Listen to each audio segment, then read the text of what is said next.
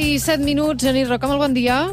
Molt bon dia. El Genís Roca és empresari, especialista en processos de transformació de models de negoci, de cultura digital, coordinador del grup de treball Catalunya 2022. Cada setmana ens ajuda a perfilar una miqueta més aquesta societat digital eh, de la qual formem part i avui ens porta una convidada amb qui hem de mirar de respondre algunes de les preguntes que ens planteja aquest segle XXI. Qui és la convidada avui, Genís? Avui tenim amb la Maria Cisternes.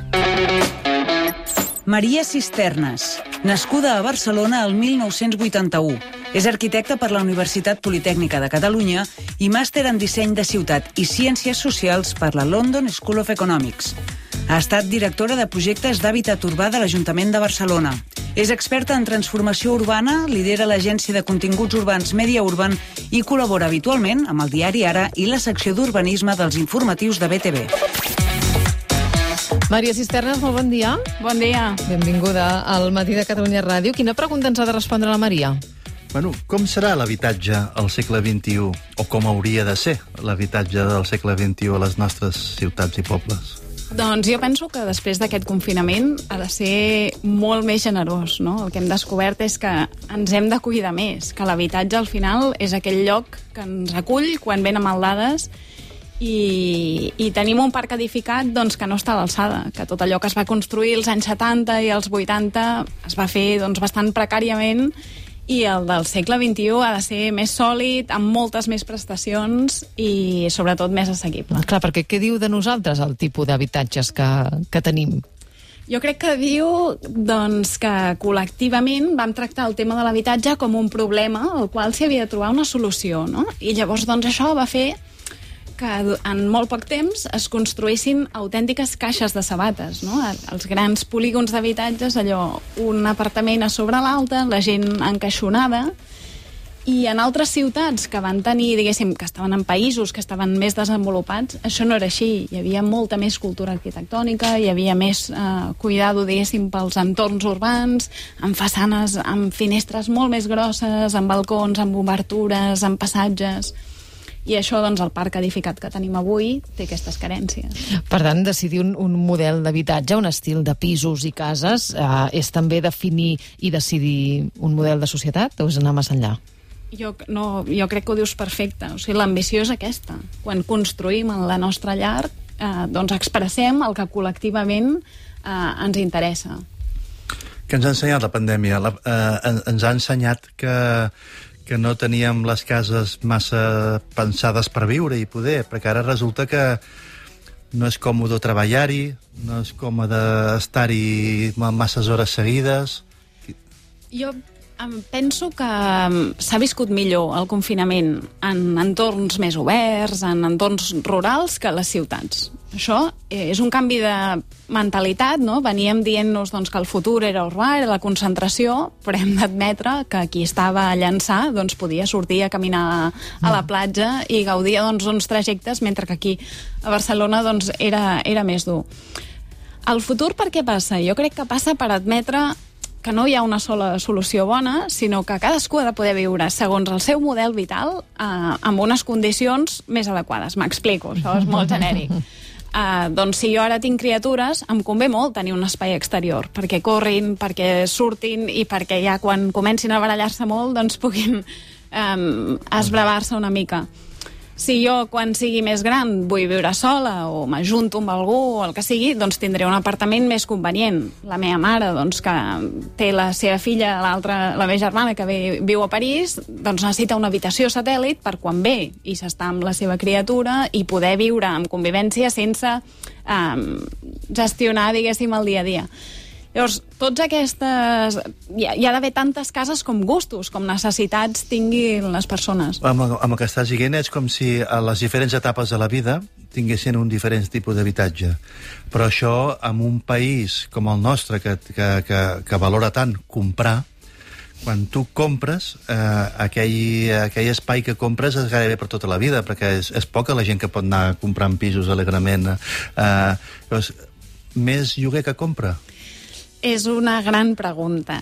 Uh, el lloguer dona molt poca estabilitat, aquesta és la veritat. Uh, ningú en parla d'això, però l'estabilitat que jo voldria seria un lloguer a 20 anys. un lloguer a 20 anys? Un lloguer com hi havia abans. Jo, els meus pares vivien amb un contracte de lloguer indefinit i era un, un lloguer convenient perquè els hi actualitzaven la renda, però, diguéssim, eh, tenien la seguretat de que s'hi podien quedar.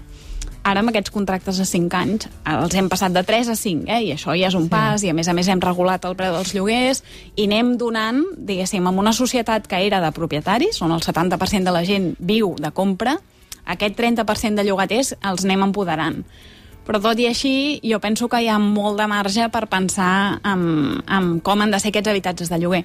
Hi ha una fórmula que m'encanta, que es diuen les naked house. Les cases, aquestes... Um, naked vol dir despullades, sí. no? Jo sempre dic, si us heu de comprar una casa, si teniu la sort que teniu diners per comprar-vos una casa, no us gasteu els quartos amb arbres, amb llautons, amb piques sofisticades.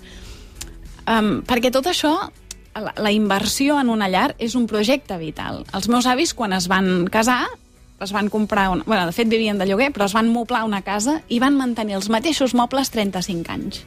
La casa no es va moure.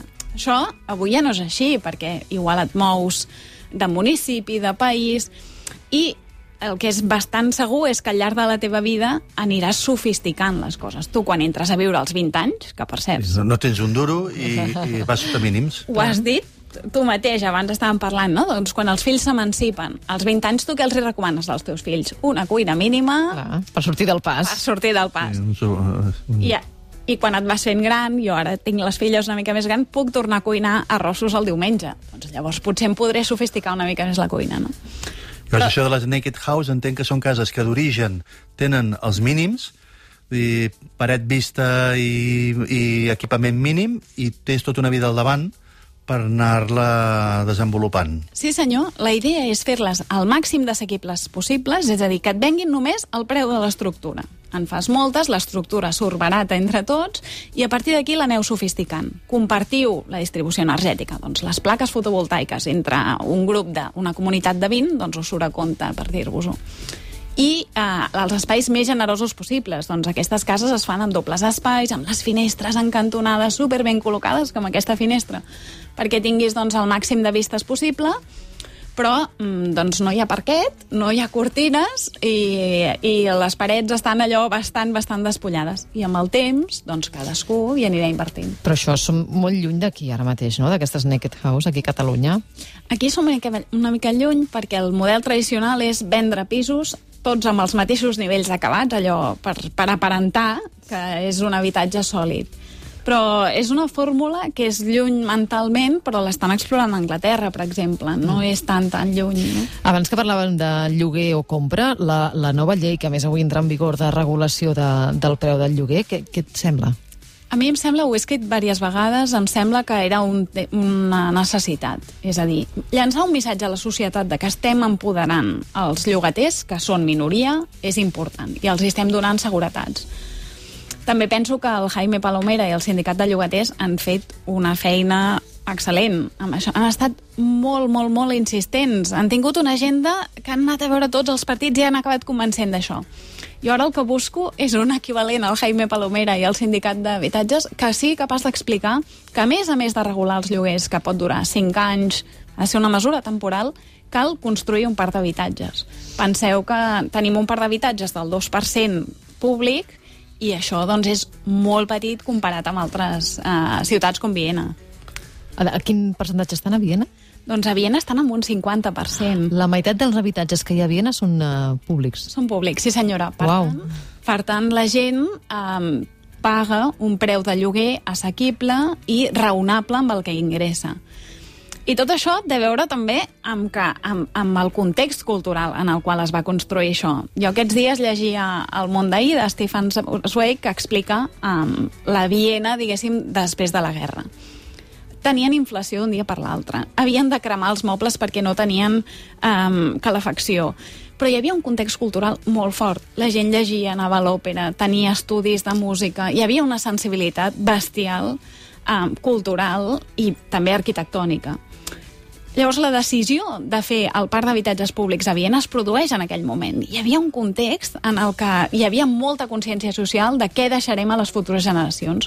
I des de llavors, qualsevol eh, promoció nova que es construeix té un 50% d'habitatge que ja queda i que, a més a més, es paga sola, perquè amb els ingressos dels lloguers eh, del parc públic tenen una bossa de calés per anar sufragant mm. els nous habitatges. El, el... Ui, és que, és que tinc masses preguntes. Ara mateix m'explota al cap. Um, hi, ha, hi, ha, hi ha una idea que m'interessa molt, que és, um, si nosaltres volem una societat més justa, si, vosaltres, si nosaltres volem una societat més equitativa, si nosaltres volem donar que aquest sigui un espai d'oportunitats, si volem que la gent pugui tenir un futur, etc, la... té sentit a dir que la baula clau de tot això és l'habitatge. Uh, uh, i que si tu defineixes un model d'habitatge estàs definint un model de societat, un model de país. Um, Sí, sí que ho penso, eh? Amb això, clar, tinc un biaix professional, sóc arquitecta de professió i, i confesso que és el meu tema. Jo vaig estudiar per fer cases per la gent que no en tenia també doncs, per l'experiència pròpia personal, perquè bueno, doncs és el que t'interessa. A mi, del sector de l'arquitectura, sempre m'han interessat els arquitectes que feien habitatge social i proposaven coses. I quin és el problema per tirar endavant això? Perquè podries dir la, la, la manca d'espai de, de, disponible, de, de sol disponible, si, és una, si som unes ciutats més denses o menys denses i si, el, i si hi ha aquest espai disponible. Uh, una altra cosa podria ser les polítiques dels governs, si estan orientades cap aquí o no. Una altra cosa podria ser el paper que juga el sector de la construcció i les polítiques empresarials que hi ha aquí al darrere. De tot això... N'has dit de, de molt interessants, totes certes, i n'hi ha una altra també, que és que no, la gent que no té habitatge no es considera demanda. És a dir, no hi ha promotors disposats a fer les cases que no es paguen a preu de mercat. Per tant, Perquè no, no se'ls té en compte. No se'ls té en compte. O sigui, no hi ha una veu articulada de ningú que digui, bueno, miri, el meu, la meva possibilitat econòmica és mm, no sé quan i, i podria pagar un terç del que ofereix el mercat. Ningú articula aquesta Però demanda. fins a quin punt és idíl·lica aquesta conversa? Vull dir, perquè si, si no hi ha sol, el govern no s'hi posa, els constructors no ho fan, els altres no tenen cèntims, això com, com se desempata? Doncs mira, torno a Viena. Quan no hi havia recursos, quan la gent es- s'estava morint de gana, va haver, es va trobar sol a Viena per fer habitatge. I es van trobar professionals, operaris, que muntaven totxos una sobre l'altra.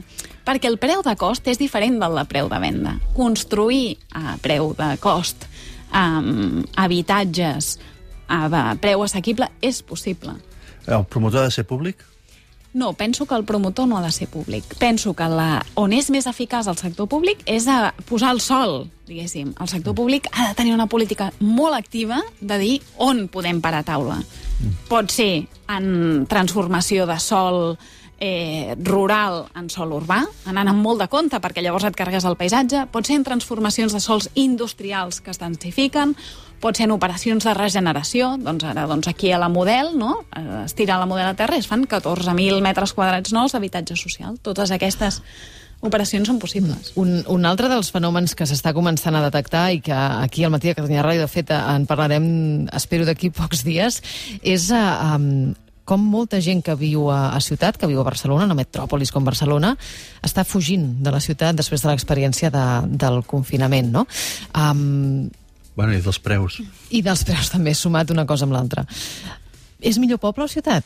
O és una pregunta absurda, impossible de resoldre? No, no, no. Eh, eh, Ha de ser l'objecte de l'ordenació del territori. És aquest. És com, um, com atens la demanda i com li trobes el millor lloc al, al projecte vital de cadascú. Jo penso que la manera de resoldre això és consum energètic zero. Ha d'estar vinculat a la petjada econòmica de cadascú. És a dir, a la petjada ecològica, no econòmica, perdoneu. Si jo me'n vaig a viure a no sé quin poble um, els de ciutat em diran és que tu cada vegada que baixis a Barcelona agafaràs el cotxe i contaminaràs molt. Bueno, depèn, perquè si jo vaig amb un cotxe elèctric, amb un vehicle elèctric, o agafo el tren i estic ben connectada, doncs la meva petjada ecològica en mobilitat es redueix moltíssim. Ara també segueixo molt aquestes universitats suïsses i d'Estats Units que estan treballant amb impressores 3D. Us imagineu la revolució que això és? En lloc de posar totxo sobre totxo o portar plaques de formigó, hi ha un gran aparell articulat que es diu impressora 3D, que no és més que una, un braç articulat d'aquests que fan cotxe, que extrusiona el material, el formigó alleugerit, i construeix les parets. Clar, això és una revolució, perquè si tu ets capaç de construir amb materials autòctons i no t'has de portar el camió de la formigonera donant voltes ni has d'esperar el fraguat, ostres, doncs podrem tenir una indústria de construcció molt més conscient. Ajuda'm a entendre els plaços temporals en què creus que aquestes coses poden ser viables, perquè, com sempre diem en aquesta secció, ens hem fumat ja un quart de segle XXI i això té un aspecte de segle XX preocupant. Uh, um, tot això que estem parlant ara de, uh, de que l'administració posi a disposició sol públic, que els promotors treballen no sé què, que uh, uh, de, de, un tren, un tren que m'acosti a no sé on, però si tenim les rodalies que tenim, aquest món millorat que podríem tenir articulat a partir de pensar la vivenda d'una altra manera. És un pla que hem d'esperar eh, que és possible si ens hi posem en, en 10 anys o estem parlant d'un projecte de 30 anys o, o en, en quins marges ens movem? Mira, en primer lloc depèn del que siguem capaços d'explicar-ho, perquè és un tema molt complex que té moltes arestes. Però jo sempre dic, l'actuació pública ha d'estar en allò que el consum no arriba. És a dir, L'actuació pública ha d'afavorir la industrialització, ha d'afavorir la construcció amb nous mètodes i amb les impressores 3D i totes aquestes coses.